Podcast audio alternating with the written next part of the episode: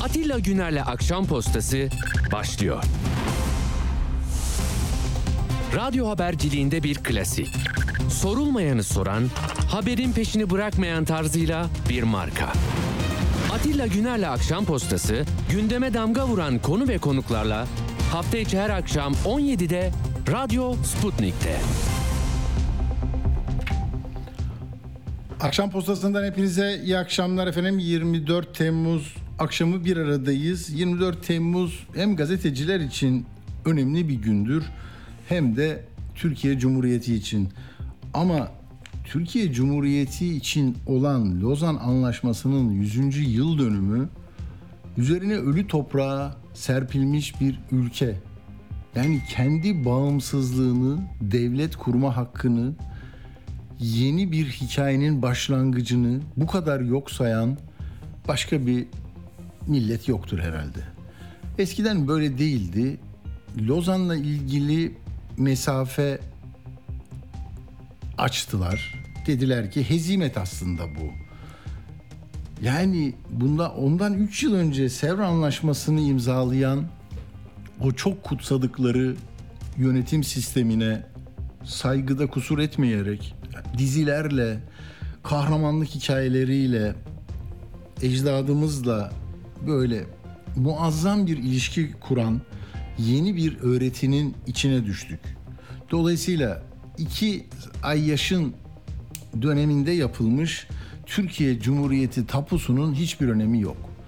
Yani bir ülkenin insanlarını, toplumun e, her kesimini kurucu iradenin o muazzam yapı taşlarını yok saymaya bu kadar e, kolay nasıl ikna ettiler bilmiyorum. Saat 16'da Erdoğan saat 16'da ancak yaz, bir, video mesajı verdi. Anadolu Ajansı da onu bir saat önce haberleştirdi. Ondan önce bir Cevdet Yılmaz bir de Murat e, şey e, Çelik e,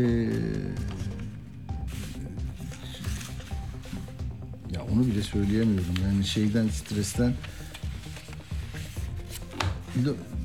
şey ya işte Ömer Çelik ya yani olacak şey mi? Yok böyle bir şey. Yani tamam mı? Ne kutlamalar, ne TRT'de bak vergileriniz de oluşturulmuş. Türkiye diyor başında. Türkiye'yi Türkiye yapan anlaşma 24 Temmuz Lozan.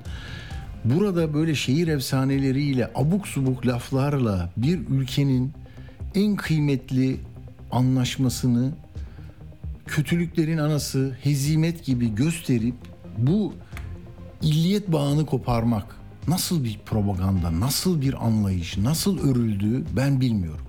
Nasıl düştük bu bu ortama ben bilmiyorum. Yani o kadar sıradan bir şeymiş ki sanki bak bir şirketin 100. yılı olsa 76 bin kişi kutlar, örgütler bilmem ne. Yani bu varlık nedeni Lozan'ın zemini üzerinde kurulmuş ülkenin içinden çıkmış siyasetçiler bunu yok saymak, küçümsemek, hafif hafif görmek. Hatta zaten dünden başladı ben Akit TV'de gördüm. Orada diyor ki hezimet diyor bu diyor. Kim buna zafer diyor diyor. Ya böyle böyle ne oluyor? Hakikaten bayrak diyorlar ya bazen. Hani bayrak operasyon demek. Bayrak bir gece yarısı harekata geçmek. Bilmem bir sabah orada oluruz. Ansızın geliriz bir gece falan. Oraya da gireriz, buraya da çıkarız. Bunun da o laflar değil ki. O bayrak bu bayrağı gönderine çekmek için önce vatan olacak. O vatanı vatan yapan da bu işte. Onun gerisinde binlerce, on binlerce şehit ve oradaki müzakereler. Ya ben kendimi nerede buldum ya? Bunu biz bize başka bir ülkede mi okuyorduk biz? Lozan'ı, Lozan'ı falan kim anlatıyordu bize? Cumhuriyetin değerlerini, oluşumunu, kazanımlarını. Şimdi bakıyorum bir Lozan Vakfı var. İsmet İnönü Vakfı onlar yani kutluyorlar. İşte birkaç CHP'li belediyede Anıtkabir'e çıkıyorlar. Kadıköy, Çankaya, Konak. Bunlar. Başka devletin televizyonu o büyük e, her şeye belgeseller yapan televizyonlarda falan yok. Peki belki yanlış öğrendik biz yani. Zaten biz Sevr Anlaşması'yla kazanmıştık tamam mı? Lozan onları geri aldı. Öyle belki yani. Böyle bir ben anlamıyorum bu işi. Erdoğan da zaten şunu söylüyor. 100. yıl dolayısıyla mesajda diyor ki Aziz milletin tam bağımsızlık iradesinin Lozan Barış Anlaşması'nın müzakere ve imza sürecinde de kendisini çok güçlü şekilde gösterdiğini belirtti. Asrın felaketi 6 Şubat depremlerinden sonra devlet milletin sergilediği dayanışma bunun en somut örneğidir. 28 Mayıs gecesi itibariyle inşaatına başladıkları Türkiye, inşasına başladıkları Türkiye yüzyılı. Yani bu Lozan'la ilgili bir şey değil. E sonunda tabii Gazi Mustafa Kemal'i, silah arkadaşlarını istiklal ve istikbalimiz uğrunda hayatlarını kaybedenleri anıyoruz diyor. İşte şey Cevdet Yılmaz'la Ömer Çelik de bu kadar. Akşener yapmış, CHP'liler de çıkmış falan. Yani artık iki, iki, iki Türkiye gibi gidiyor ya mesele. iki Türkiye'nin bir tarafında işte şey var, Lozan var. Öbür tarafında Ayasofya'nın ibadete açılmasının üçüncü yıl dönümü var. Ya bunlar hepsi beraber bir ülke olur zaten. Kimse bir şey demiyor. Ama niye panel düzenlemiyorsun? Niye konferans yapmıyorsun? Niye bir etkinlik yapmıyorsun? Bir havai fişek mi atarsın? Kız kulesini yapıyorsun, para kazanayım diye 450 liraya gidişi var oraya. Oraya kırmızı beyaz yap ya. Elin oğlu yapıyor senin bayramında, seyranında. Anıtkabir'e bir şey yap, ışık oyunları yap. Konuş, anlat, dertlerini anlat. Çocuklara da anlat, gençlere anlat. Yok, peki. Ben biliyorsunuz bu Cumhuriyet'in 100. yıl dönümüne de şunun şurasında 3 ay kaldı. Yani o, onunla ilgili de herhalde saat 3'e doğru mu olacak? Ne olacak? Bir iki top atışı vesaire ondan sonra gelsin geçsin. Çünkü başlangıç 2002 artık. Yani Cumhuriyet'in başlangıcı 2002 olduğu için böyle oluyor. Hemen şimdi ben Profesör Doktor Baskın Oran'la konuşacağım bunu. Ee, Lozan'la ilgili bu konulara çok kafa yoran hocamız bağlantı sağlıyor mu arkadaşlar? Evet yani ha bir tanıtımla girelim hemen hocamla konuşalım. Türkiye ne konuşuyorsa biz onu konuştuk. İşin doğrusu ne diye sorduk. Lozan'la anlaşması mı? Ne zıkkımı kökse bu geçerse ben bile serbest olacağım. Ya ne yapacağım? Bizim insanlarımız birazdan zenginliklerini çıkaramıyor. Doğruları yanlışları masaya yatırdık. Bizim Atatürk'ün 100 senelik imzası var ya. Lozan. O bitiyor, doluyor. Lozan mı? Evet Lozan. Avrupa'dan o zaman bütün topraklarımızı açacağız. Petrolümüzü, şeyimizi rahatlıktan ucuzluk çıkacak. Lozan Türkiye'nin kurucu antlaşmasıdır. Şimdi bu kurucu metin hakkında adam da söylüyor zaten. Sayın Cumhurbaşkanı'nın yanı sıra ağzı olan herkesi epey eğlendirici şeyler üretiyor. siz burada petrol çıkmadı derseniz haber olmaz. Ama petrolü bulun, beton dekler derseniz haber oluyor. Ama bunun aslı asları yok. Haberi, hayatı ve hakikati paylaşıyoruz. Atilla Güner'le Akşam Postası hafta içi her gün saat 17'de Radyo Sputnik'te. Atilla Güner'le Akşam Postası devam ediyor. Evet efendim Lozan'ı konuşuyoruz. Geçen sene yaptığımız yayın sırasında ve onun öncesindeki sokak röportajlarından da arkadaşlarımız böyle bir tanıtım hazırlamışlar. Ee, onu da dinledik. Yani şimdi asıl mesele şu diye düşünürüm ben.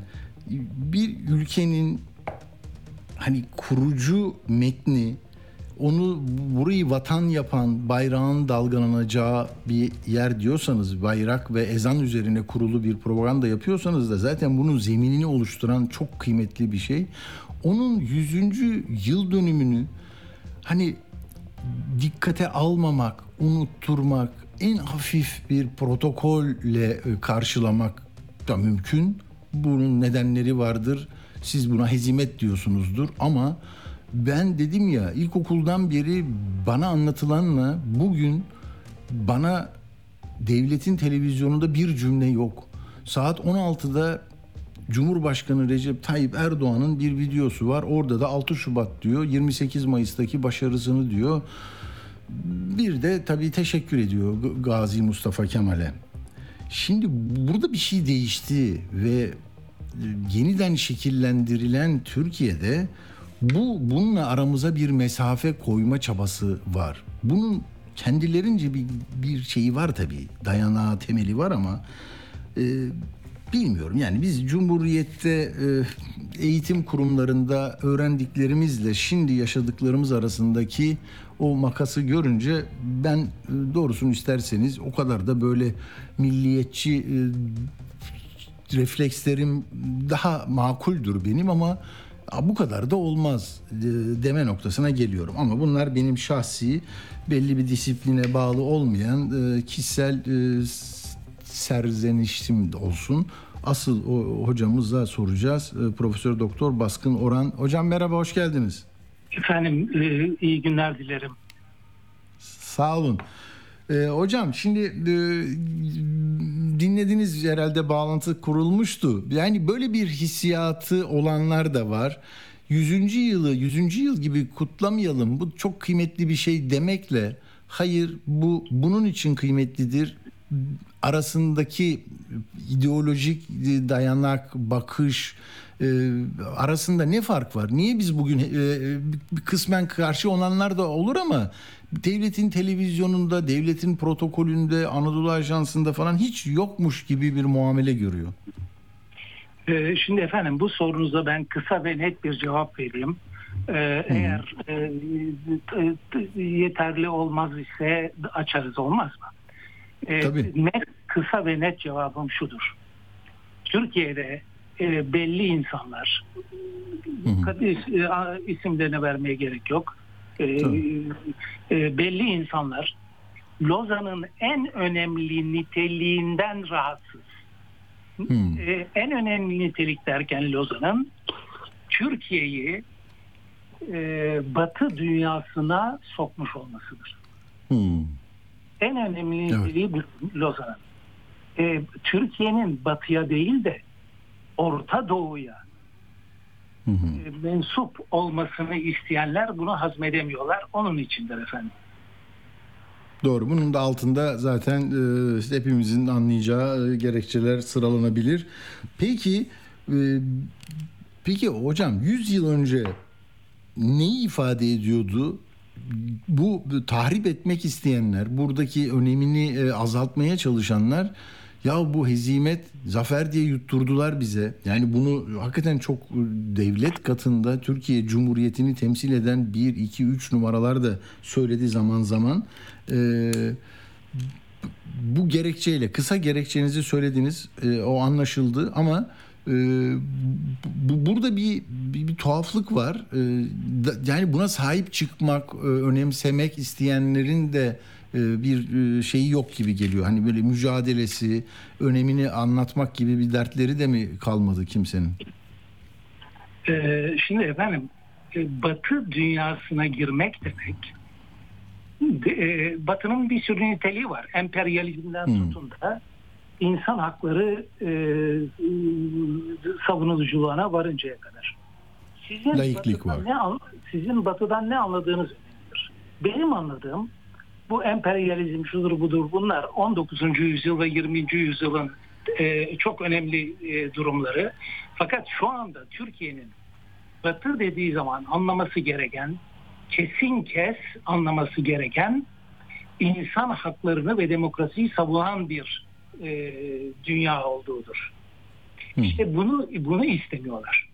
Türkiye'de insan hakları ve demokrasiyi savunanların üste çıkmasını istemiyorlar. Hmm. Şimdi aslında e, bunlar e, iki grup biliyor musunuz? Biri büyük ve asıl tehlikeli olan İslamcılar. İkincisi daha küçük ve daha az tehlikeli olan fakat yine de zarar veren e, ulusalcılar. Hı. Çünkü ulusalcılar e, İslamcıların öne sürdüğü e, yerli ve milli sloganını yerli ve ulusal olarak anlıyorlar. Anlatabiliyor muyum? Onların da istedikleri 1923'ten sonra Lozan imzalanıp da devlet kurulduktan sonra Hı hı. ve 3 ay sonra e, Cumhuriyet ilan edilip de rejim kurulduktan sonra çünkü devlet farklı bir şey, rejim farklı bir şey. Hı hı. E, o zamanın e, gerekleri icabı ve de koşulları icabı Cumhuriyet kuruldu fakat demokrasi gelmedi. Bu çok doğal bir şey bu. E, bakın 1920'ler ve 1930'lar bu e, iki on yıl zarfında özellikle 1930'larda Avrupa Nazizmin ve faşizmin etkisi altındadır. Bu bir. İkincisi yeni bir devlet kurulmaktadır. Bu bir yukarıdan devrimdir. Yukarıdan devrim zamanlarında demokrasi beklemek zordur. Anlatabiliyor muyum? Olay budur. Ha, Şu anda artık yukarıdan devrim 1920 ve 30'larda yapıldı. Biz onu içselleştirmek aşamasındayız.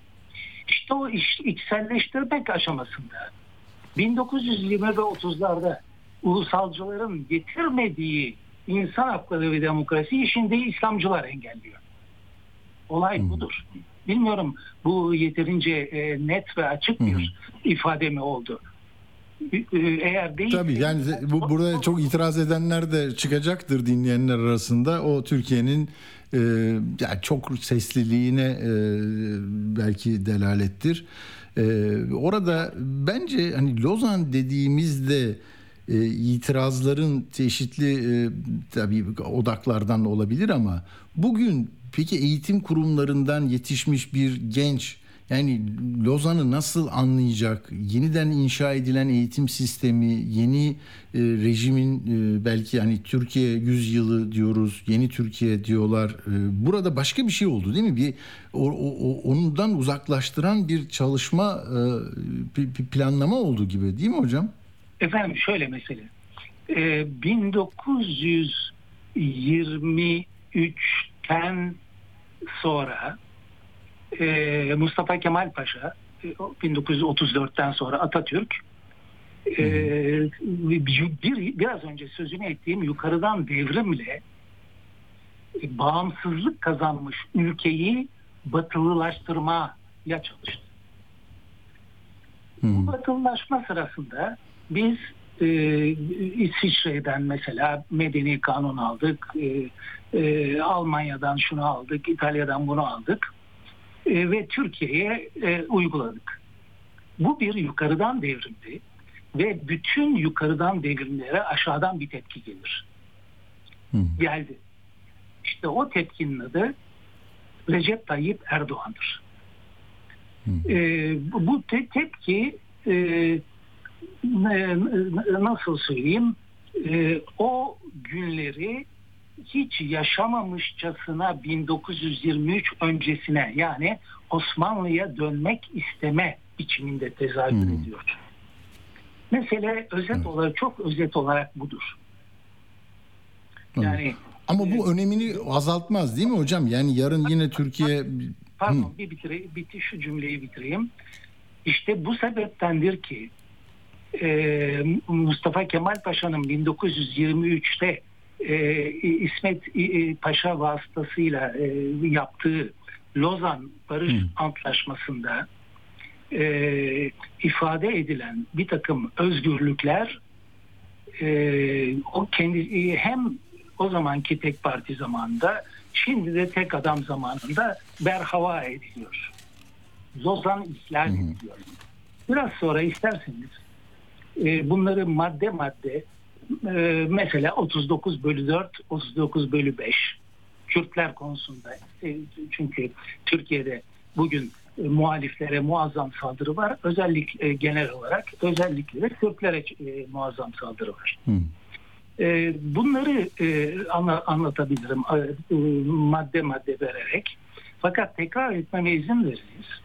E, Lozan'ın bu kadar saldırıya uğraması veyahut da daha da kötüsü görmezden gelinmesi, bilmezden gelinmesinin sebebi Lozan'ın Türkiye'yi Batı dünyasına sokmuş olmasıdır.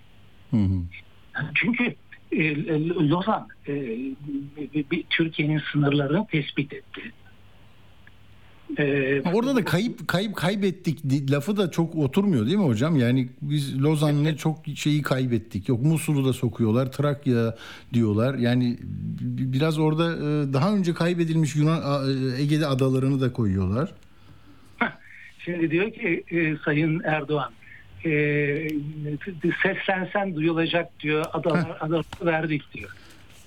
Ben de evet evet o, o metni tam çıkarttım hocam. Hakikaten o, ben yani unutuyoruz. Diyor ki tarihte bize ne yaptılar? 20'de bir serveri gösterdiler. 23'te Lozan'a bizi razı ettiler. Birileri de Lozan'ı zafer diye yutturmaya çalıştı. Her şey ortada. İşte şu an Ege'yi görüyorsunuz değil mi? Bağırsan sesinin duyulacağı adaları biz Lozan'da verdik. Zafer bu mu? Şimdi ama orada da 1912-1913 süreçleri yok sayılıyor. Evet. Şimdi efendim e, bu tamamen bir emperyalist yaklaşımdır. Emperyalizm sadece İngiltere, Fransa tarafından yapılmadı. Bu yaklaşım bir emperyalist yaklaşımdır. E, biz niçin e, üzerinde tek bir Türk olmayan adaları talep etmedik? Yahu Hı. 1923 yılında Lozan yapılırken aynı zamanda e, bir mübadele anlaşması yapıldı 6 ay önce Lozan'ın yap, e, Evet. Lozan Barış Antlaşması'nın yapılmasından 6 ay önce bir e, mübadele anlaşması yapıldı. Sebebi şimdi, şimdi uzatmayalım. Tabii. Tabii. İstiyorsanız anlatırım size. Bir de sizin de hayır yoğun, sizin de işleriniz yoğun diye ben e, ilk saatlerde aldım hocam. Benim de yani 4 6 dakikam var. O- o- 30'da tekrar bir hocam olacak. Ha, ha tamam o zaman o zaman e, ne, ne diyorduk? E, L- Lozan'ın e, e, Lozan sırasında niye Yunan adaları alınmadı? Yahu Hı. e, onların, onların üzerinde tek Türk yok. Ne, nere, nasıl Hı. alıyorsun üzerinde tek bir Türk'ün olmadığı adaları? Üstelik üzerinde birkaç tane Türk olan, fazla değil, birkaç yüz Türk olan İmroz ve Bozcaada'yı müttefikler Yunanistan'a verdiler bu sebepten dolayı. Demografik nüfus, nüfus sebebinden dolayı. Fakat bizim delegasyon itiraz etti. Dedi ki Boğaz'ın önünü, Çanakkale Boğazı'nın önünü kapatıyor bunlar dedi. Onun üzerine müttefikler bu iki adayı İmroz ve Bozca adayı Türkiye'ye verdiler. He, e, hemen hemen tamamı Rum oldu bu halde. Evet. Ha, Şimdi e, gö- görülüyor ki e, e, şeyden sonra e, mübadeleden sonra hatta hatta 1908'den sonra e, bu adalarda Türk falan kalmıyor. E, bu adalarda Türk olmayan adaları sen nasıl kalkıp da istiyorsun? Kamilen Yunanlı bu adalar. Hı. E, e, bu, e, bu- bu- bu- bunun yanı sıra neyse şimdi uzatmayayım sizin vaktiniz de belli. Tabii. E, hı. Tü- Türk olmayan adaları nasıl istiyorsun yahu? Hı.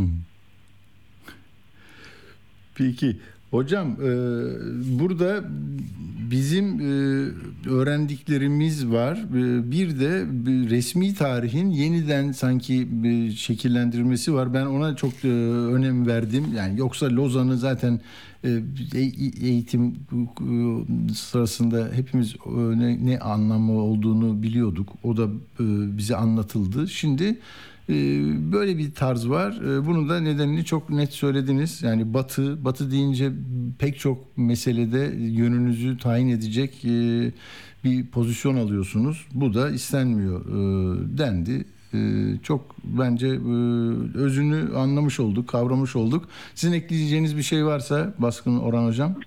Şunu şey yapalım sonunda. Avrupa İnsan Hakları Mahkemesi'nin kesin kararlarını dinlemeyen bir e, tek adam e, rejimi nasıl Lozan'ı müdafaa eder? Tabii ki kötüleyecek. Hı hı. Çünkü Lozan bir daha tekrar edersek Türkiye'yi e, Batı dünyasına kalıcı olarak sokan antlaşmadır. Evet. Kalıcı olarak. Bu da önemi buradan geliyor diyorsunuz. Evet. Peki. Ve aldığı saldırılar da buradan geliyor tabii ki. Doğru. Peki e, Profesör Doktor e, Baskın Orhan çok teşekkür ediyorum hocam katıldığınız için. Siz de yoğunsunuz. E, Ben de erkene aldım. ve Böylelikle Lozan'ı da konuşmuş olduk. Sağ olun katıldığınız için. Siz de sağ olun efendim. İyi günler dilerim herkese. Sağ ol. Sağ olun. Hoşçakalın. Evet böyle buradan e, şimdi hızlıca CHP'ye geçelim. Zaten CHP'deki meseleleri biliyorsunuz. Değil mi? Belediye başkanlarıyla Kemal Bey'in toplantısı arkadan PM bunları tekrar anlatacak değilim. Ama şu şu gelinen noktada artık CHP'de parti meclisinde yeni bir tablo var. Tamam. Kurultay kararı mı? 60 kişi mi var? Delegelerin seçtiği kurultayda 60 akil heyeti var bu partinin. 31'i, 32'si bu en son görevden alınanlarla ilgili oylamada kendilerini gösterdiler. Demek ki bundan sonra kurultay kararı alırken bu Kemal Bey'le e, aynı düşünmeyen salt çoğunluğu dikkate alacaksınız. Kemal Bey belediye başkan adaylarını belirlerken artık alın bunu deyip oylamaya soktuğunda red kararlarını görebilecek, uzlaşma gerekecek. Yani CHP farklı farklı kesimlerin bakış açılarının e, koalisyonuyla parti meclisinde yani küçük kurultay diye düşünün onu ya. Orada 1300 var ya. İşte burada da 60'ın 31'i şey oldu. E, Kemal Bey'in dediğine itiraz eden insanlar oldu. E, bu me- mesela şeyi öğrendim. Oğuz Kağan Salıcı 5-6 arkadaşı var. Birlikte hareket ediyorlar. E, onlar da İmamoğlu'yla bir münasebet kurmadıkları halde orada oyları böyle değerlendirmişler. İkisi üçü çekimser olmuş. Diğer ikisi e, işte iadesini istemiş. Özellikle Van ve e, Muş galiba. E, yani konuşmalarla ilgili ben de notlar aldım ama e, ne istersiniz bilmiyorum. Hepsini anlatmak istemiyorum. E, şu ayrıntılar ilginçti. E, Halk TV meselesi. Ya bu bu mesele beni çok etkiledi. Şey demiş Kılıçdaroğlu, ya bu işbirliğini bitirelim. AK Parti para verse bunu yapamazdı Cumhuriyet Halk Partisi'ne. Bak bu lafı hiçbir yerde okumadım ben. Yani ni- niye peki bu kadar kızıyorlar Halk TV'ye? Halk TV'nin hikayesini biliyor musunuz ya? Mahmut Yıldız Şanlıurfa'da bir e, kanalı var. Kanal batıyor. Sonra Baykal döneminde bize bir kanal lazım deyince alıyorlar onu. İşte Rütük'ten şuradan buradan geçiriyorlar, yaşatıyorlar. Derme çatma oluyor ama yürüyor. CHP parayı veriyor. Ee, onlar da usulüne uygun belgeyle şunla bununla yürütüyorlar kanalı. Ha bu arada iki tane ödemeyi de Anayasa Mahkemesi e, usulsüz buluyor Halk TV'ye. Onu da cezalandırıyor. Bunlar geçmişte olan şeyler. Ama bir formül bulunmuş. Çünkü ayakta durması isteniyor. Diğer taraf tek tek sesli bir medya yapılanması var. İşte Aydın Doğan'ın yerini Ziraat Bankası'ndan Demirören'e para veriyorsun, aldırıyorsun. Herkesi hizaya getiriyorsun. Olacak şey değil. Bunlar da nasıl yaşarsa böyle yaşar. Reklam vermiyor kimse. Onlar da yani kendi televizyonu zaten adamın. Öyle başlıyor. Ama işte Baykal hasta oluyor. Baykal hasta olduktan sonra Aslı Hanım kızı geliyor. O sert bir yönetim vesaire. Karışıklıklar, şunlar bunlar. Kemal Bey orada da düğmeye basıyor. İstiyor televizyonu. Yani Kemal Bey'in Halk TV ile ikinci kavgası bu. O zaman da Aslı Baykal'a e, e, kızıyor ve e, işte şimdiki sahibi Cafer Bey İngiltere'de tekstil işi yapıyor. O geliyor 2 milyon dolara satın alıyor kanalı. Ve anlaşmalar yapılıyor. Yine tabii Gezi'den sonra kendi kendini kurtaran bir televizyon olduğu için e, ya para da kazanıyor. Böyle merkezdeki televizyonlar gibi ilan da almaya başlıyor reklamda ama yetmiyor işte. Çünkü mesela bir konuk çıkıyormuş ona kızıyorlar. Şaka maka değil yani. Ya ama peki Eren Erdem yani 37 yaşında bir adam tak diye böyle Twitter'da yani böyle heyecanlı şeyler gibi mümayiş yapan adamlar gibi işte Halk TV denilen adı ne diyor Halk TV isimli TV kanalı ile tek taraflı fesih hakkımızı kullandık. Halk TV ile tüm ilişkimiz sona ermiştir. Ya ne ilişkisi? Sen bu reklamsa tüm ilişkimiz iç içe geçmişliği mi söylüyorsun? Ne söylüyorsun? Sonra senin yaptığın basın toplantısı, grup başkan vekillerinin konuşması başından sonuna kadar veriliyor. Zaten bu da normalde bir gazeteci refleksi değil ki o. Zaten ben haber varsa onu bakarım ne canlı vereceğim. Ben o sırada başka bir şey yaparım. Ama sen o parayı vermek için canlı yayınlamasını istiyorsun. O da yayınlıyor. İhtiyacı var. Başka da yani kötü bir şey gibi düşünmeyin ama gazetecilikte haber değeri varsa bağlanırım. Beni sen nasıl o zaman şeyde e, Pancar Motor bilmem neleri festivalini de ben sana vereyim e, bir, milyon lira. Bunu 4 saat yayınla diye böyle bir şey olabilir mi yani? Benim yayıncılık prensibim var, ilkelerim var. Bu olmaz diyebilirdin. Neyse Muharrem İnce de zamanında söylemişti bunu. Beni çıkartmıyorlar, sözleşmeleri var bunların falan diye. Bir tartışma gitti. Yani bak şimdi muhalefet cephesine bak. Partide tartışma, onun e, kendi ellerinde Doğan Halk TV ile tartışma, sonra gidip Aydın Doğan'ın tasfiyesinden sonra görüşmedikleri ve ambargo koydukları bütün Demirören medyasında işte Abdülkadir Selvi, Hakanlar, şunlar bunlar onlarla e, muhabbet. Niye? Merkez medya zannediyor onu. Diyor ki yani ki bu kanala çıkmadık, oralara hapsolduk. Gelin hadi çıkalım. Yeni yeni bir şey deniyorlar. Yeni bir şey deniyorlar. Dur bakalım. Peki şimdi biz CHP'yi genel hatlarıyla konuşmamız lazım. Ee, Emre hocam da bağlanmış. Evet Emre Erdoğan, Profesör Emre Erdoğan da hattımızda. Merhaba hocam hoş geldiniz. Merhaba, hoş bulduk. Hocam bu CHP'yi konuşursak vallahi bitmez. Yani bu akşamlar da bize yetmez ama e, siz izlediğiniz kadar nasıl değerlendirdiniz? Yani artık düne göre pazar akşamı 13 saat sürmüş. 13 saat sonra CHP'de işte salt çoğunluğun e, oyuna sahip bir genel merkez dışında bir ses çıktı ortaya. Gerçi iade edemediler gö- görevlerini ama bence bundan sonraki yürüyüşte bir anlamı var mı bunun? Nasıl okuyorsunuz? Şimdi Türkiye'deki siyasi parti yapısı genel merkezlerin hatta tek başına genel başkanın çok kuvvetli olduğu bir yapı.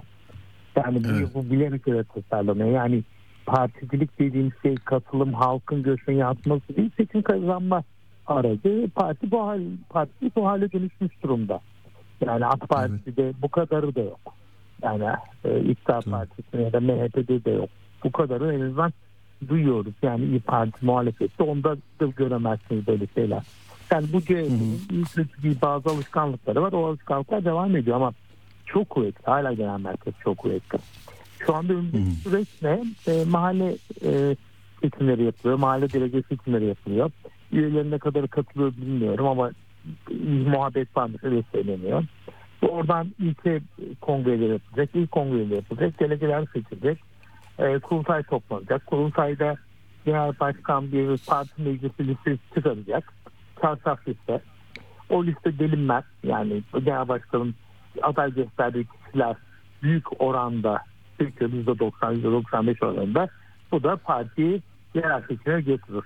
Yani yürünecek şey bu. Sistem bu. Yani burada mahalle bazında bir mücadele yürütülüp zannetmiyorum. Yani mahalle mahalle bazı oradan ilçelere çünkü bir zaten e, milletvekilleri ve halihazırdaki parti meclisi zaten doğrudan kurtar e, üyesi olduğu için bir tür süper belediye ve onlar baş, genel başkan tarafından atanmış durumda. Öteki tarafta da mikro yönetim yapılıyor. Yani mikro yönetimden de kasıt işte mesela bir neden e, şu ilin başkanın görevden alındı ya da bu ilin görevden alın başkanın görevden alındı çünkü genel merkezin istediği gibi davranmıyor seçimlerde. Tabii. İlçe seçimlerinde, seçimlerinde. Dolayısıyla onu görevden alıyorlar. Onun yerine istedikleri gibi davranacak kişiyi atıyorlar. Yani burada tabii ki demokrasi ne kadar demokrasidir doğru yanlış tartışırız ama statükoyu korunmaya yönelik bir yapı bu. Hı. Değil yani? Yani kurultayı kazanmak, Türkiye'yi kazanmaktan ziyade kurultayı kazanalım. Burada duralımla olmaz ki. e, ama çok şey var. Şimdi bu parti meclisi bir yere kadar belediye başkan adaylarını belirleyecek. Hı. Büyükşehir Belediye Başkanlarına ve şu anda e, kaydeder sayıda belediye başkanlığı garanti CHP açısından. E, bir Hmm, şekilde tabii. ittifaka girerse daha da Tabii. fazlası garanti. E, bir de yani dediğimiz bu öyküler biliniyor da çok duyulmuyor. Belediye meclis üyeleri çok kıymetli. Yani ben bu Çok. siyasete yakından baktığım dönemde büyük kavganın orada koptuğunu gördüm. Kim bir Hmm. belediye meclis üyesi olacak? Kim Büyükşehir Belediye Meclis üyesi olacak yere Hmm. Onlar da çok önemli ve bütün bunlara parti karar verecek. Ya bu e, partide İstanbul'da hazırlanmış liste İstanbul Ankara otobanında değişti. Ankara başka liste geçti. Yani bunları da Hmm. gördük. Yani bunlar çok kıymetli meseleler. Dolayısıyla gene bunlara karar verecek kişi genel başkan. Genel başkan ifade etmek çok kolay bir şey değil. Bu şartlar altında. Hı. Evet. Peki burada seçmenin bu gelişmelerle ilgili keşke bir imkan olsa da bir büyük bir araştırma olsa. Hani 1 milyon 300 bin e, şeyi var, üyesi var kayıtlı.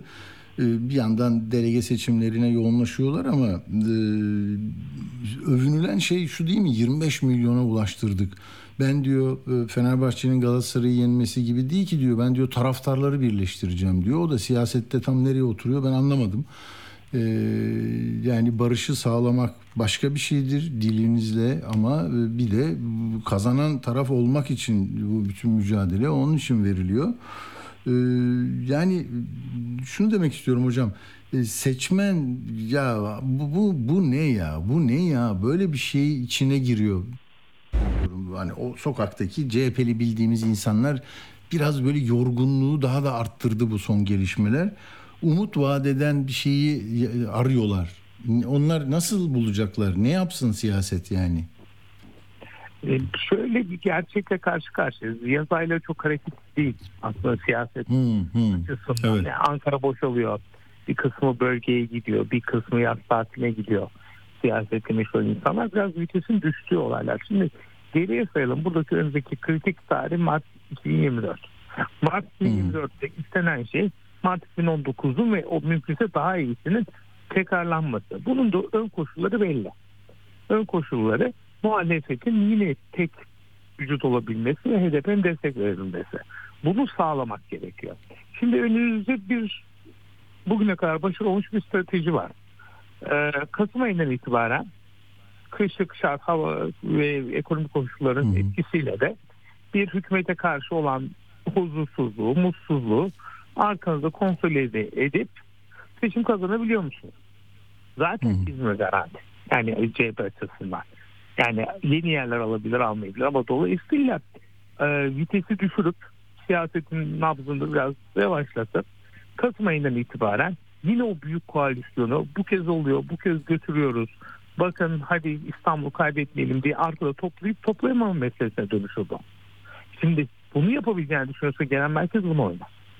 Yani şu anda bir şey yapmasına gerek yok. Kasım'a kadar topu yere yatsa yeter. Ya biraz sübvansiyon yükseltse. Şu an Hı hı. bir heyecan. Meclisin koşullarından dolayı çok zor. Yani Ankara'da kimse yok. İşte dediğim gibi mahalle var. Yani bir toplumsal hareket çıksın, insanları peşine taksın. Bu denendi YDH Temmuz ayında ortaya çıktı. Eylül'de bitti. Yani Temmuz'da çok ilgi görmüştü. ve Eylül Ekim'de gerçek siyaset başladığı zaman kimse bu tür hareketle yapamıyor. Şu andaki bezgini yapılacak en iyi şey gerçekten nabzı biraz düşürmek galiba. Ve o yanlış bir hareket. Nabız yüksek tutulacak durumda değil. Hı. Doğru. Belki bu avantaja dönüşebilir yani daha çok düşünerek, daha çok arama konferansı gibi e, yaratıcı işler yapmaları lazım. Çünkü ben bakıyorum böyle Erdoğan e, bazen hani seçime gidişi o kadar e, önceden e, dizayn ediyor ki şimdi İstanbul için tersine göç hamlesi diyor mesela. Gazeteler yazıyor, televizyonlar kredi vereceğim eğer çıkarsan. Şimdi İstanbul'daki tespit ettikleri sorunlar var. Demek ki oradan hareketle bir şeyleri adım adım örüyorlar.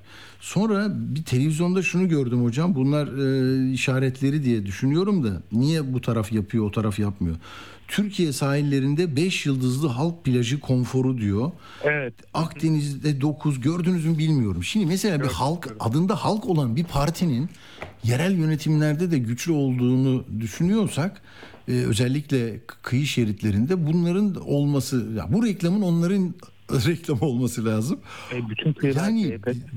değil mi? Baktığınız Evet, zaman. evet ama E, onlar da oradan şimdi heyecanlandırır. et, etkiliyor değil mi? Mesela çok Ha ona ne diyorsunuz? Mesela seçime bence başladı yani Erdoğan. Onlar gürültü patırtı içinde hadi biz yürüyelim.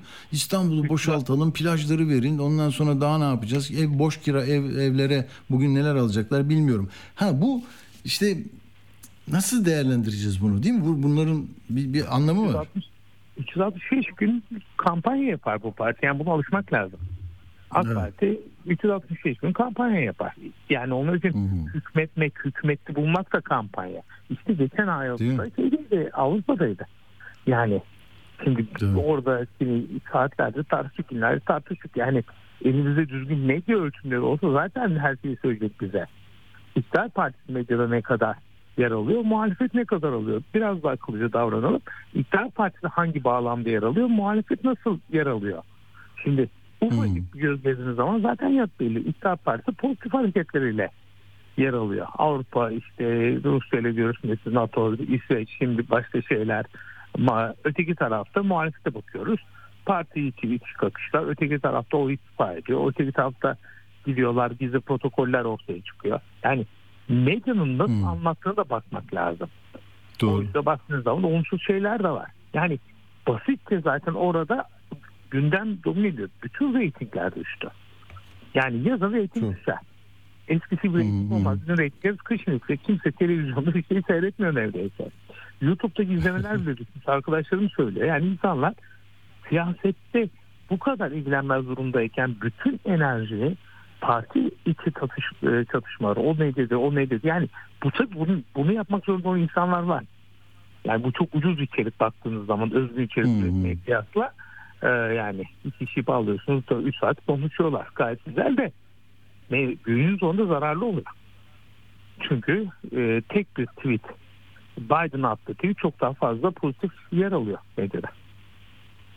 Yani bütün Hı. bunlara dikkat edilmesi gerekiyor. Eğer medya ile ilgili bir stratejik yönetim söz konusu ise. Evet.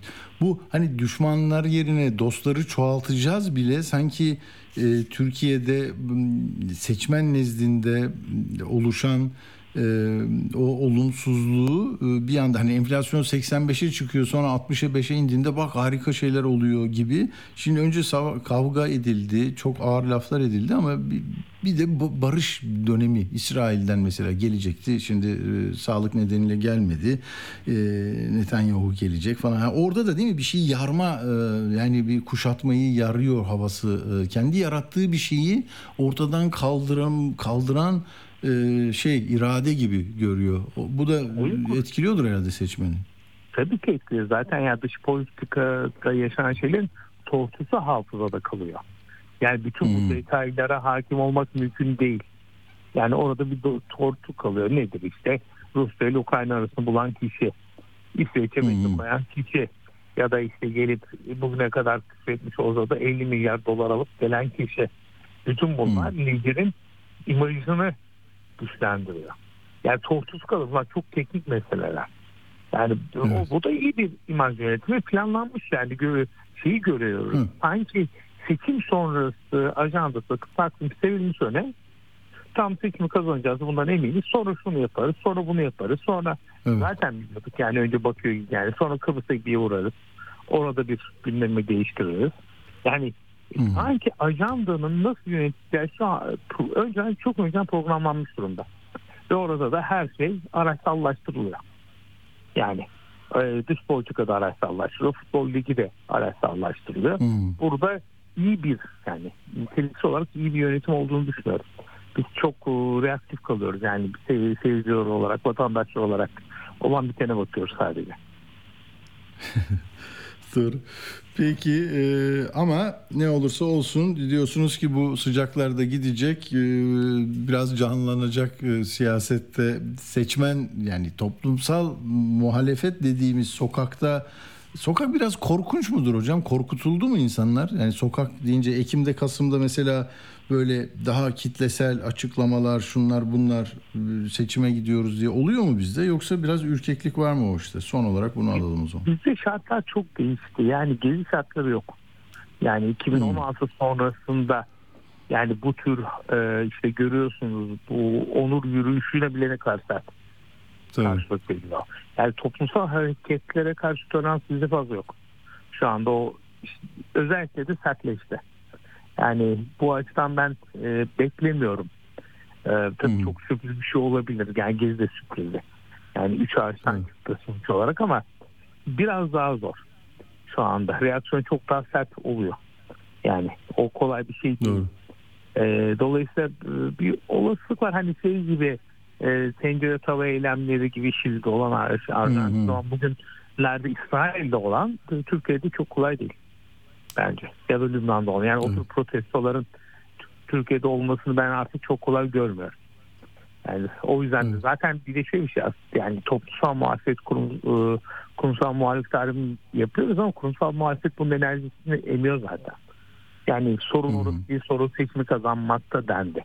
Bir buçuk yıl sürdü bu seçim meselesi. Yeni analiz yapıyoruz bakın yeni uzlaşı masa falan derken evet insanlar seçim kazanacağı odaklandılar. Şimdi yine muhtemelen İstanbul kaptırmayalım, Ankara'yı hı. kaptırmayalım'a odaklanacaklar ve yine o enerji biraz daha seçime yönelecek ya da e, bilmiyorum başka bir çıkış bulabilirim. Yani şu andaki senaryo sanki tekrar oynanacakmış gibi geliyor bana ama e, bir üçüncü yol bir farklı hareket çıkar mı onu zaman gösterir. Pek o iyimser Peki. o konuda da. Anladım. Peki Profesör Doktor Emre Erdoğan Bilgi Üniversitesi'nden hocam çok teşekkür ediyoruz katıldığınız için. teşekkür Sağ ederim. olun. Çok Sağ olun. Sağ olun. Sağ olun. İyi akşamlar. Evet, e, böyle Emre hocamız da değerlendirdi. Ha dediğim gibi bu tersine göç İstanbul'dan hani e, herkesi e, şöyle teşvik edeceğiz. İşte hadi gel memlekete dönelim, gel köyümüze dönelim dersen e, ne yapacakmış? İşte Anadolu şehirlerinde sağlıktan eğitime, kamu hizmetlerine yeniden atamalar yapacaklar. Çünkü sanki herkes dönecekmiş gibi İstanbul'dan. Ekmek var mı orada yani ticaret var mı? Gelir var mı? Tamam görece daha ucuz belki kirası vesaire ama artık her taraf şey oldu. Ee, diyor ki mesela evini taşırsa elektrik su parası alınmaması, az alınması, taşınma yardımı, iş kurmak isteyene faiz, düşük faizle kredi verilmesi vesaire. Böyle. Ee, o dediğim şeyde e, Türkiye sahillerinde 5 yıldızlı halk plajı konforu bence yerel seçimi başlattı Erdoğan. Epeydir başlatıyor zaten de. Ee, boş evlere vergi tedbiri. Mesela gördüm bugün A Haber diyor ki Kanada'da 6 aydan fazla boş kalan evlere ekstra vergi var. Avustralya'da yine yüzde bir vergi alıyorlar 6 aydan fazla boşsa. Hollanda'da 6 aydan fa- fazla boşsa 9 e, euro cezaymış. İspanya boş evlerin emlak vergisini %150 arttırma yetkisi varmış belediyelerde. Barcelona 2 yıldan fazla boş tutulan eve geçici el koyabiliyorlarmış. Almanya kısa süreli ev kiralamaya karşı sert önlemler varmış. Vesaire yani Fransa da bunu denemiş. Ee, bir avuç azınlığın kar hırsına kurban edemeyiz diyoruz yani bir avuç gözü dönmüş adam var evleri arttırıyor durup dururken yani hiçbir şey yoktu 21 yıl içinde her şey alt üst oldu. Ondan sonra e, herkes de saldırıyor. Evi varsa evini kiraya verince acımasız rakamları nasıl markette varsa o da ev sahibi olarak onu istiyor. Çünkü sen enflasyonu kaynağında tutacak, bitirecek, radikal adımlarla yürüyecek bir programa sahip olmayınca böyle e, ondan sonra evlere yok marketlere cezalar şunlar bunlar yaparsın. Peki hadi bakalım Uğur'a gidelim şimdi Uğur'la konuşacağız. Uğur merhaba geldin mi Uğur? Merhaba buradayım evet. Ha Uğur'cum evet sende neler var? Sıcak gelişme Rodos yangınından başlayayım. Çünkü e, belki de Yunanistan'ın e, son dönemlerdeki en büyük kabusu oldu bu Rodos Ya. yangını. E, dört koldan ilerliyor. Yedinci gününe girdi. E, bugün bayağı alevler artınca büyük bir tahliye operasyonu yaptılar. Hatta Yunanistan tarihinin şimdiye kadar gerçek, gerçekleştirilen en büyük operasyonu diyorlar. 30 bin kişi adadan tahliye edildi. Halen 10 bin İngiliz turistin da mahsur kaldığı e, kaçmak için beklediği söyleniyor. Zaten binlercesi de Hmm. havalimanına sığınmış durumdalar. E, yani it- Yunan itfaiyesi de zaten e, şimdiye kadarki en büyük e, yangın söndürme operasyonlarımızdan bir tanesini yapıyoruz dedi. E, dün Yunanistan genelinde 82 orman yangını çıkmış. Ee, ve e, bunların bir kısmının insan tarafından gerçekleştirilmiş olabileceği yani sabotaj olabileceği söyleniyor. Ee, Yunan İtfaiye Teşkilatı da böyle bir açıklama yaptı. Ee, bugün sıcaklık 45 dereceydi o bölgede. O yüzden e, daha da endişe verici bir durum aldı. Durum Hmm. haline geldi burası. Kontrol altında değil yani şu anda bile öyle mi? Hayır hayır henüz değil. Hmm. maalesef değil. İsrail'de de o beklenen oylama e, yani bu e, yargının e, bağımsızlığına büyük darbe vur- vuracak olan oylama gerçekleşiyor ve protestolar halen devam ediyor. Benjamin Netanyahu da başbakan da cumartesi gecesi acil bir şekilde ameliyata alındı. Kalp pili takıldı. Şimdi sağlığım iyi oylamaya katılacağım diye açıklama da yaptı ama Türkiye ziyareti biraz tehlikeye girmiş durumda. Bakalım orada ne olacak. Ee, İran'da tabii bu Mahsa Amini protestoları sonrası ahlak polisi e, devreden çıkartılmıştı. Şimdi yeniden e, oradaki muhafazakarların, mollaların talepleri üzerine ahlak polisi yeniden devreye alındı ve sokaklarda göreve başlayacağı açıklandı. Eski Cumhurbaşkanı Hatemi de e, hükümet kendi ayağına sıkıyor. Bunun toplumdaki gerginlikleri daha da tırmandıracağını ve sosyal patlamaya neden olacağını e, söylüyor Hatemi. Ee, son olarak İspanya'da da e, seçim sonuçlarını aktarmak istiyorum.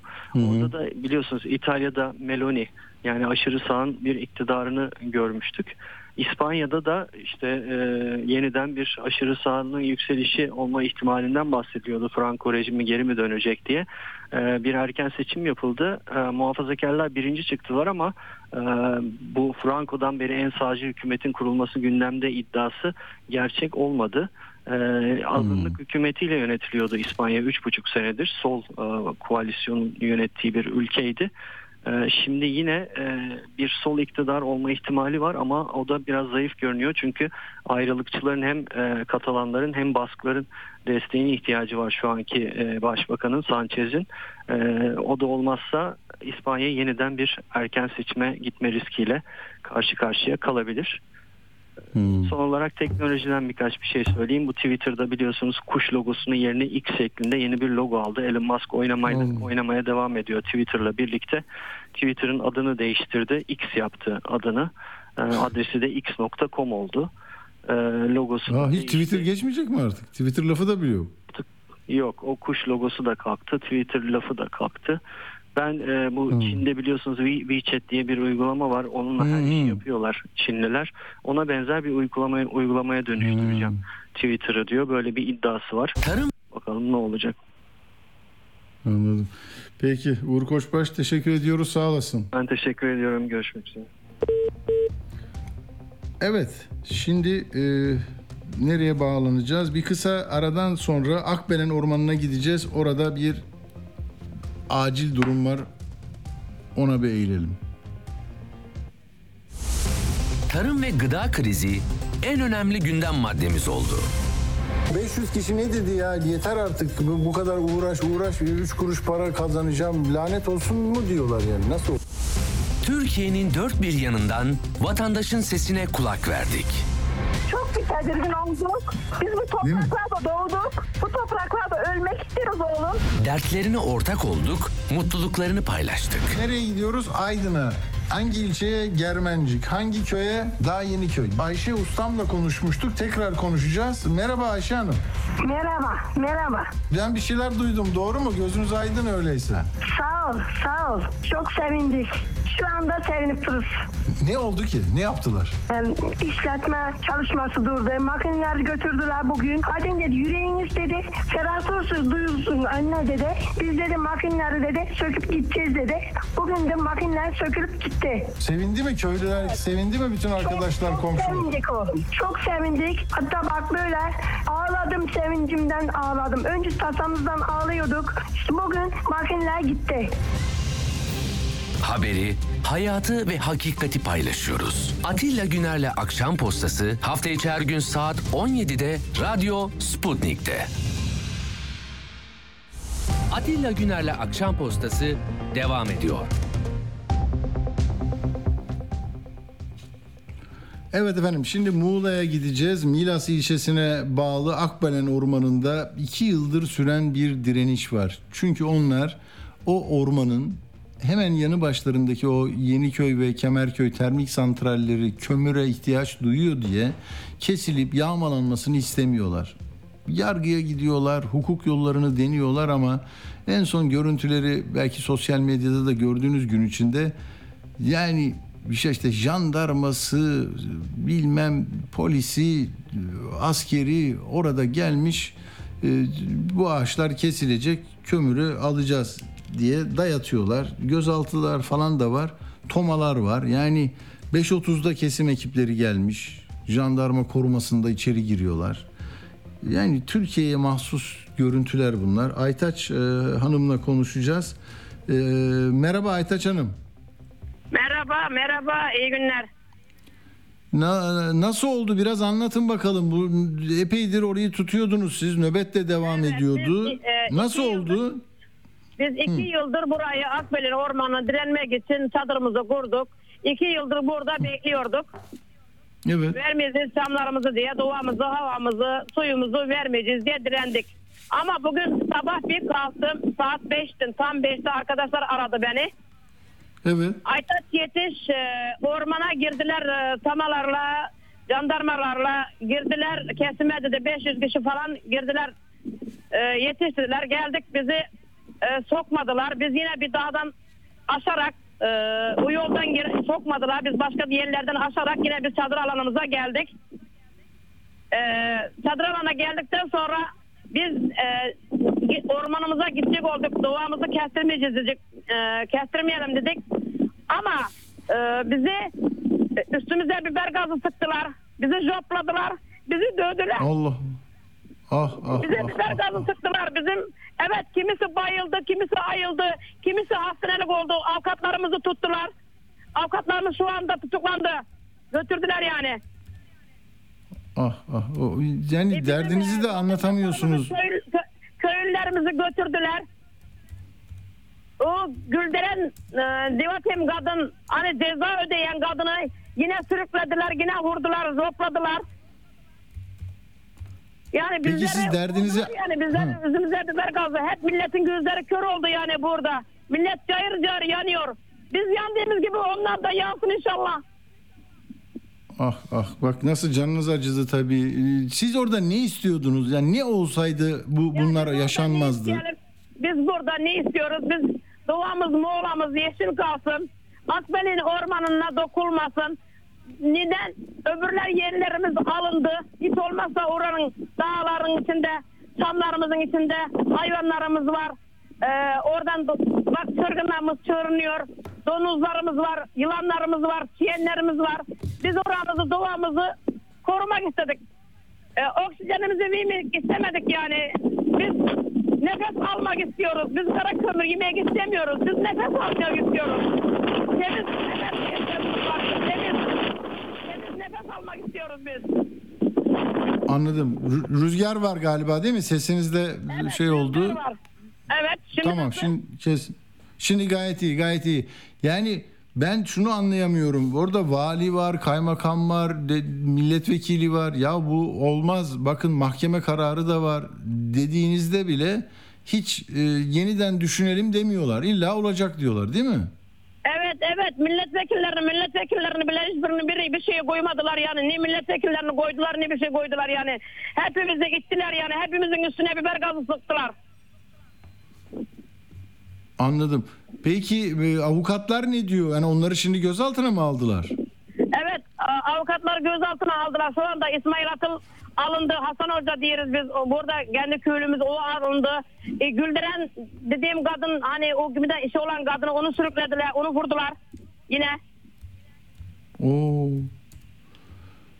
Peki duruyor mu? Çadırlar duruyor mu yine orada?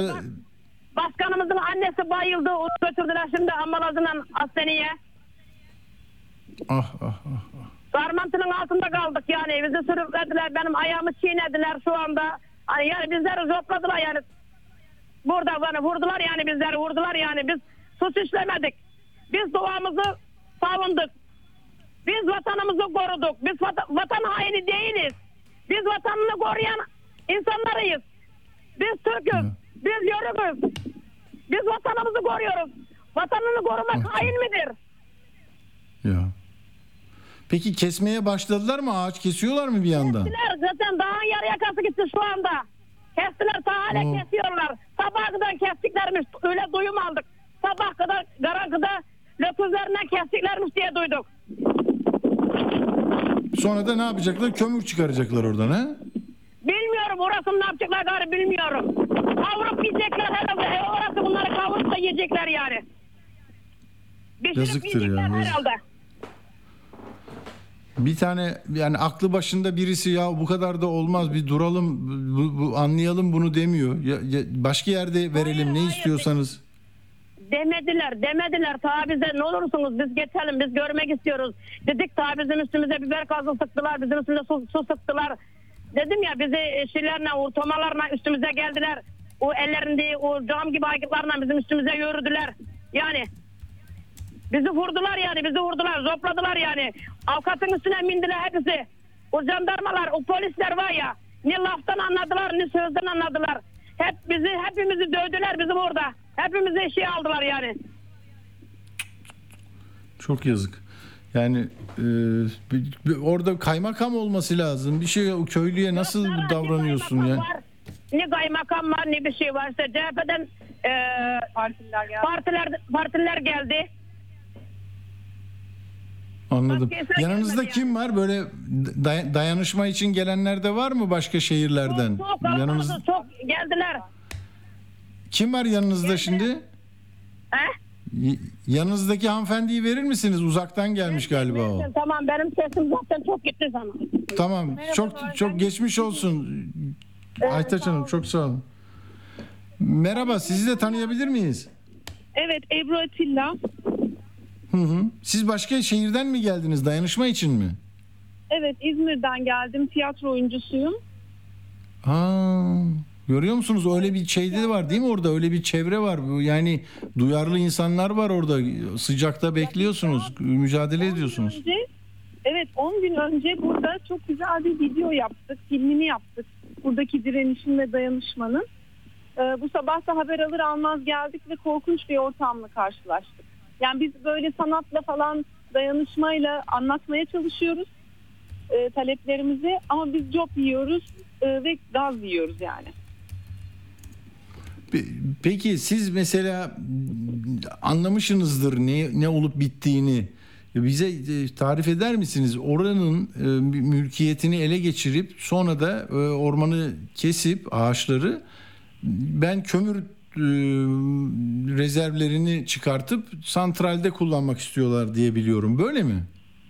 Evet aynen dediğiniz gibi ama hani bunu yaparken buradaki kaldırılan köyler zaten biliyorsunuz. Yani yaşam Hmm. alanlarını aldılar. Şimdi hani orman daha onlara şey geliyor. Kolay alınabilir geliyor. O yüzden çok sert giriyorlar. Yani çünkü mal satılmıştı ama bu ormanda satılacak bir şey yok. Bu orman satılık değil. Ha, yani ama o, o, onlar ama bu kararı almışlar, oturmuşlar. Tabii. Tabii ama bir hukuksuzluk var burada. Orman üzerinde. Hı, hı. Avukatlarla görüşebilir miyiz tam ne oluyor diye? Gözaltına alındı buranın avukatı. Oo, Evet. anladım. Yani ulaşamayız onlara da değil mi? Yani yarın çıkartırlar diye umut ediyoruz. Ama e, İsmail Atal e, kendisini aldılar. Anladım. Çok geçmiş olsun Ebru Hanım. Yani pek çok şehirden de oraya gelip böyle dayanışma yapanlar var Akbelen ormanları için. Ee, umarım e, olumlu bir sonuç olur. En azından bu sesi du- duyur. Sağ olun ama bu mücadele bitmeyecek yani. yani bu e, köylü buradan çıkmaz. E, biz de biraz kalabalığız aktivistler olarak yanlarındayız. E, bu böyle bilmiyorum artık nasıl sonuçlanacak. Kaybetsek bile bir şeyler kazanılarak çıkıl- çıkılıyor. Onu fark ediyor buradakiler. Hani keşke sizler de olsaydınız memnun olurum. Evet, evet. Peki o zaman e, sözünüzü esirgemeden e, o doğayı, hayatı savunmaya devam edeceksiniz. Biz de buradayız. E, tekrar bi- bilgi alırız sizden. Çok teşekkür ediyorum. Ne demek? Ne Geçmiş demek? olsun. Görüşürüz. Sağ olun. Sağ olun. Sağ olun. Evet, böyle yani ne, ne diyeceksiniz bilmiyorum ki bu kadar e, şey, şey, istila gibi, yağma gibi, böyle fetih gibi her şeyi yani duramıyorlar yerinde ya. Orası da olacak benim, burası da benim olacak.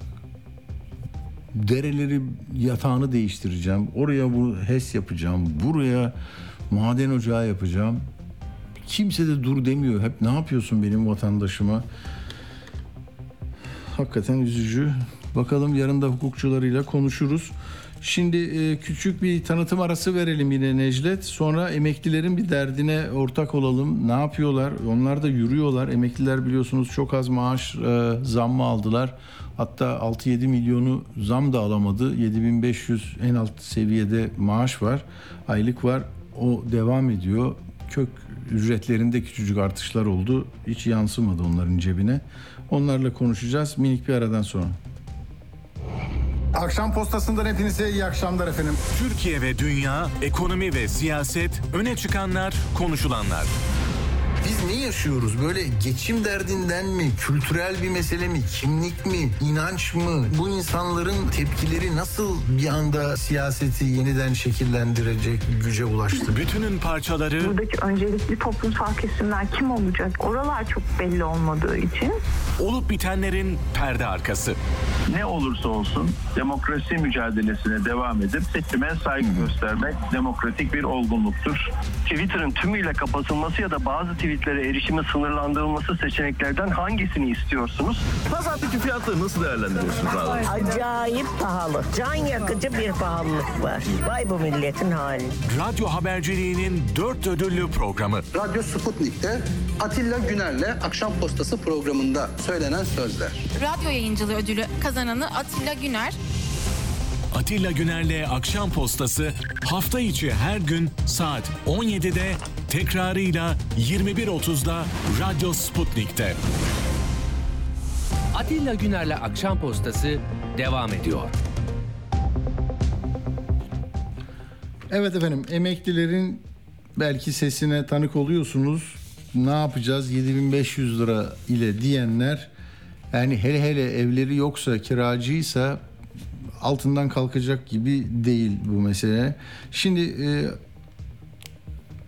Yaşa Hanım'la konuşacağız. Ankara'ya yürüyorlar. Yaşa Erdoğan bir emekli. Gebze'deler diye biliyordum. Onları kontrol edelim bakalım neredeler. Merhaba Yaşa Hanım hoş geldiniz. Merhaba. Şimdi e, siz nasıl bir karar almıştınız? Nereden başlayıp sesinizi duyurmak için yürüyorsunuz emekliler olarak? Önce onu bir anlayalım. Neredesiniz? Ee, şöyle e, biz derken burada Gebze'den üç arkadaşımız e, karar aldılar yürümeye. E, Hmm. Üç arkadaşımıza e, bu konuda e, destek olmak için yanlarında bulunduk. E, ama tabii e, valilik ve e, jandarma tarafından e, izin verilmeyince olay e, yürüyemediler. Sadece Gebze içinde e, ufak bir e, yürüyüş yaptılar. Gebze Eski Çarşı, Yeni Çarşı ve e, Çamlık Parkımıza kadar. Ondan sonra da oturma eylemine başladılar. Şu anda da oturma Anladım. eylemi yapıyorlar üç arkadaşım. Yani bir sendika, bir platform var mı? Böyle kendiliğinden oluşan bir tepki mi bu? Bunlar normalde EYT Derneği'nden emekli arkadaşlarımız. E, şu anda da e, Emekliler Derneği'nde üye Anladım. arkadaşlarımız. Anladım. Peki siz bize anlatır mısınız? Mesela şey mahsuru yoksa hani sizin emekli maaşınız sizin hayatınızda neye e, karşılık geliyor? Hayatınızı ne kadar kolaylaştırıyor? Geçinebiliyor musunuz? Evinizde bir tek emekli maaşı sizin mi var? Yani belki birlikte e, ha- hanede başka gelirler de vardır ama Evet, e, biz e, eşim de emekli, yeni oldu EYT'den emekli oldu büyük mücadeleler sonucunda. E, ben de emekliyim. E, ama emekli maaşları gerçekten artık e, kimsenin geçineceği durumda değil. Şu anda ekonomi yani 7500'de mi kaldı sizin? 7500 mü ikinizin de? şöyle hani e, 7500 lira e, ama hani ikimizin toplarsanız işte 15 bin lira para ediyor. Evet. E, ama bizim- Kirada mı oturuyorsunuz? Ee, yok ben kirada oturmuyorum ama iki tane çocuk okutuyorum. Ee, üniversiteye giden ve liseye giden. Ee, şimdi ben nasıl hani bunları okutacağım, bunlara e, nasıl Hmm. okul masraflarını, işte giyim masraflarını, yemek masraflarını, sağlık masraflarını karşılayacağız diye gerçekten düşünüyoruz. Ee, bunu nasıl yetineceğiz? Bir de düşünün kira verseydik e, nasıl karşılayacaktık gerçekten e, tamamen e, soru işaretiydi. E, aslında hani bunu e, herkes yaşıyor da kimse kabul etmek istemiyor herhalde ülkemizde diye düşünüyorum ben bu zorluğu. Tabii. Tabii. Yani siz mesela bütçe yapıyor musunuz? Nereye gidiyor? Hani sizle şimdi emekli olup bak karı koca e, bir de o, okulda e, eğitim gören çocukları var. Biraz e, tanısak yani siz mesela ka- harcama kalemlerini koyduğunuzda böyle bir denk geliyor mu bütçeniz yoksa açık veriyor kartlarla da kullanıyor musunuz? Kart kredi kartı kullanıyor musunuz? Mecburen, mecburen ikinci iş yapıyoruz yani. İkimiz de şu Ha, an onu söyle. Ha, onu merak ettim ben de. Onu soracaktım. Yoksa e, kesinlikle yetiremiyoruz. E, mecburen ikinci Hmm. işlerimizi yapıyoruz. E, İkiniz de değil mi? Eşiniz de siz de çalışıyorsunuz aslında. eşim de ben de ikimiz de çalışıyoruz. Ya ya işte görüyor musun? Emeklilik diye bir şey yok ki Türkiye'de. Yani eve 15 bin lira girse e, otursanız böyle ayaklarınızı uzatıp televizyon seyredip gezseniz etseniz mümkün değil. Bir daha çalışacaksınız. Emekliliğin tadı da olmuyor yani. Türkiye'de artık biliyorsunuz e, ev kiraları bile artık 10 bin liradan başlıyor. Yani artık Hı hı. düşünün 10 bin lira ev kiraları. Biz şimdi e, kiralık ev e, baktık 10 bin lira dediler. 8 bin lira, 10 bin lira ve yukarısı. E, Ya. bunu bir 7500 alan kişi nasıl verebilsin? Tabii, mi, tabii. işte Çocuk- mı ödesin? Ço- çocuklar şeyde mi ki sizin e, yani başka şehirde mi eğitim görüyorlar? Ee, şimdi e, küçük oğlum daha liseye gidiyor e, yanımızda ama Hmm. büyük oğlum üniversiteye gidiyor İstanbul'da. Ne- İstanbul'da nerede kalıyor? Yurtta mı bir yakınında mı? Ee, yani gidip gelme yapıyoruz çünkü e, Gidip ev gelme. kiralayamadık. Ev kiraları çok yüksek. E, o yüzden kiralayamadık ama mecburen şu an e, gidip gelerek günde 5 saatini yollarda geçiriyor. E, gerçekten Görüyor okuyor mu, okuyor mu yoksa e, Ah, şey mi yapıyor, eziyet mi çekiyor bilmiyoruz. E, bir de Ne, o yol masrafı da oluyor tabii. Neyle gidiyor geliyor? Trenle mi? Otobüsle mi? E, tabii ki Marmara'yı kullanıyoruz. En cüzi olanını seçiyoruz Marmara ve oradan sonra da diğer okulun yönüne giden araca biniyor. E, Görüyor musun? Ne kadar zor ya. 5 saat yollarda geçecek. Ee, İstanbul'da uygun bir yurt olsa daha e, değil mi böyle küçük sembolik bir parayla verse yol parası kadar ne kadar güzel olurdu. Yurtlara bile gücümüz yetmedi yani düşünün. Değil mi? Onlar peki bu size bir destek olur mu? Hani üniversite öğrencisi e, eve bir desteğim olsun diye çalışır mı? Çalışmak ister mi? Böyle e, teklif etti mi? Evet evet oğlum şu an üniversitede okuyan oğlum Ee, okulu bitirdi hemen ona da bir iş bulduk anne okul açılana kadar çalışayım dedi şu an e, çalışıyor hadi bir yere gitti depo gibi Tabii. bir yere orada kendi e, harçlığını çıkarmaya çalışıyor okul vaktine kadar. Ya. Neden bu kadar çok soru sordum Yaşa Hanım? Hani insanlar artık birbirleriyle de çok böyle bir tanış olmuyorlar, sormuyorlar. Ama biz hep emeklilerin hakkı diyoruz, mücadele etmek lazım diyoruz, geçinilmez diyoruz. Onu çok somut bir örnek oldu da işte sonuçta yani iki emekli maaşı yetmiyor, iki kişi çalışıyor, çocuk geliyor çalışıyor. Nedir bu? Yani bir tatile gidebilir misiniz siz mesela yaz sıcak hadi gidelim dördümüz diye bir şey plan yapabilir misiniz? Gidiyor musunuz bir yere? Ee, Yok gidemiyoruz. Ee, Mesela çocuklar istiyor e, şöyle okullar açılmadan bir hafta yapalım mı? İşte e, çadır bakıyoruz hani çadır olarak çadırlı bir yerde yapabilir miyiz bir haftada olsa diye çadır araştırıyoruz. E, çünkü kalabilecek işte pansumanlar bile e, pahalı geldi. O yüzden e, ya çadıra e, gideceğiz ya da e, burada hafta sonları ufak günübirlik tatiller yaparak bitireceğiz. Peki çocuklarınızın geleceği için umutlu musunuz? Yani bir emeklinin sorununu anlamak için başladık ama ben severim böyle insanlarla sohbet etmeyi. Ee, Yani çocuklarınızın geleceğini nasıl e, görüyorsunuz?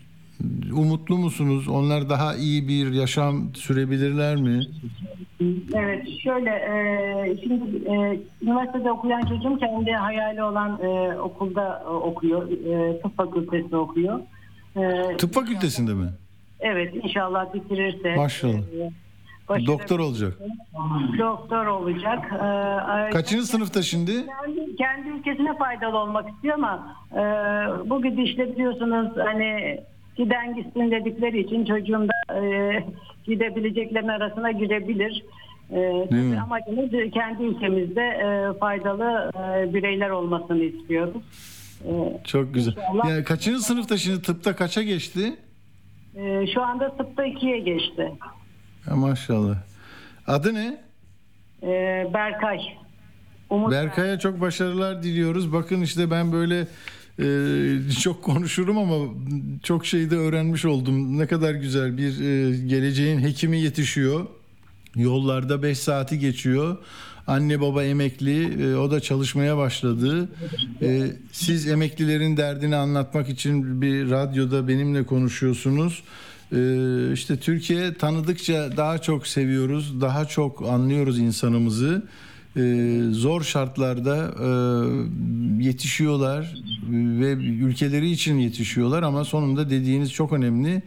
E, gitmek istiyorsa da geleceği orada görüyorsa da gitme noktasına gelenler oluyor. Pek çok hekim de zaten böyle e, belge alıp yurt dışına gitti diye haberler yapmıştık. Peki e, Yaşa Erdoğan Hanım'ı ağırladık, sohbet ettik. Çok teşekkür ediyoruz. Son söylemek istediğiniz bir şey varsa sizi dinleyen. Evet, e, son olarak şunu söyleyeyim. Emekliler olarak yarattığımız ülkede dayatılan hayatı kabul e- etmiyoruz. Değil mi? Hakkımızı istiyoruz diyorsunuz. Peki. istiyoruz. Ee, inşallah duyarlar sesimizi. O üç tane arkadaşımıza e, bu mücadeleyi başlattıkları için de canı gönülden teşekkür ediyorum. Ee, yüreklerine sağlık diyorum onlara. Sağ olun. Sağ olun. Biz de çocuklara, eşinize selamlar. Berkay'a da başarılar diliyoruz. Sağ olun. Teşekkür ediyorum. Ben de size iyi yayınlar diliyorum. Teşekkür ederim. Sağ olun. Sağ olun. Evet şimdi son bölümde havayı konuşalım istedim. Meteorolojiden hemen bir yetkili, görevli bize e, yardımcı olacak. Serdar Yıldırım. E, Merhaba Serdar Bey. Merhabalar, iyi yayınlar diliyorum. Çok teşekkürler. Önce belki meteoroloji açıklama yaptı ama farkında olmayabiliriz biz yayın sırasında. Dün e, önemli bir sıcaklık oldu mu? Yani rekor dediğimiz sıcaklıklara yakın bir sıcaklık oldu mu? Dün, bugün ya da çarşamba günü için e, onları bize söylerseniz çok sevinirim. Yani rekor Bir de genel olarak e, ölçülmedi şu an itibariyle yani. Ölçülmedi. Ama 40 derece, 45 dereceye varan sıcaklıklar oldu. E, bu da mevsim Hmm. normallerinin biraz üzerinde ama anormal sıcaklıklar ölçülmedi dün itibariyle. ölçülmedi. Peki bizim radyoyu bir de araba kullanırken dinleyenler Bursa var, Ankara, İstanbul, İzmir var.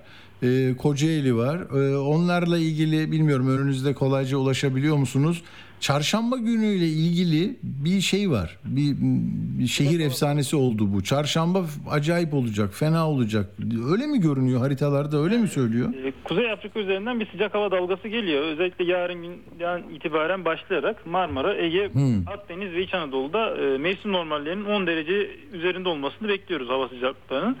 E, çarşamba günü ise baktığımızda işte İzmir 41 derece, Bursa 41 derece, Kocaeli 41 derece. E, bu bölgelerde Manisa ve Aydın'da 45 derece. Yani rekor sıcakların gelebileceği bu bölge il- ilimiz var. 40, e, Manisa ve Aydın'da.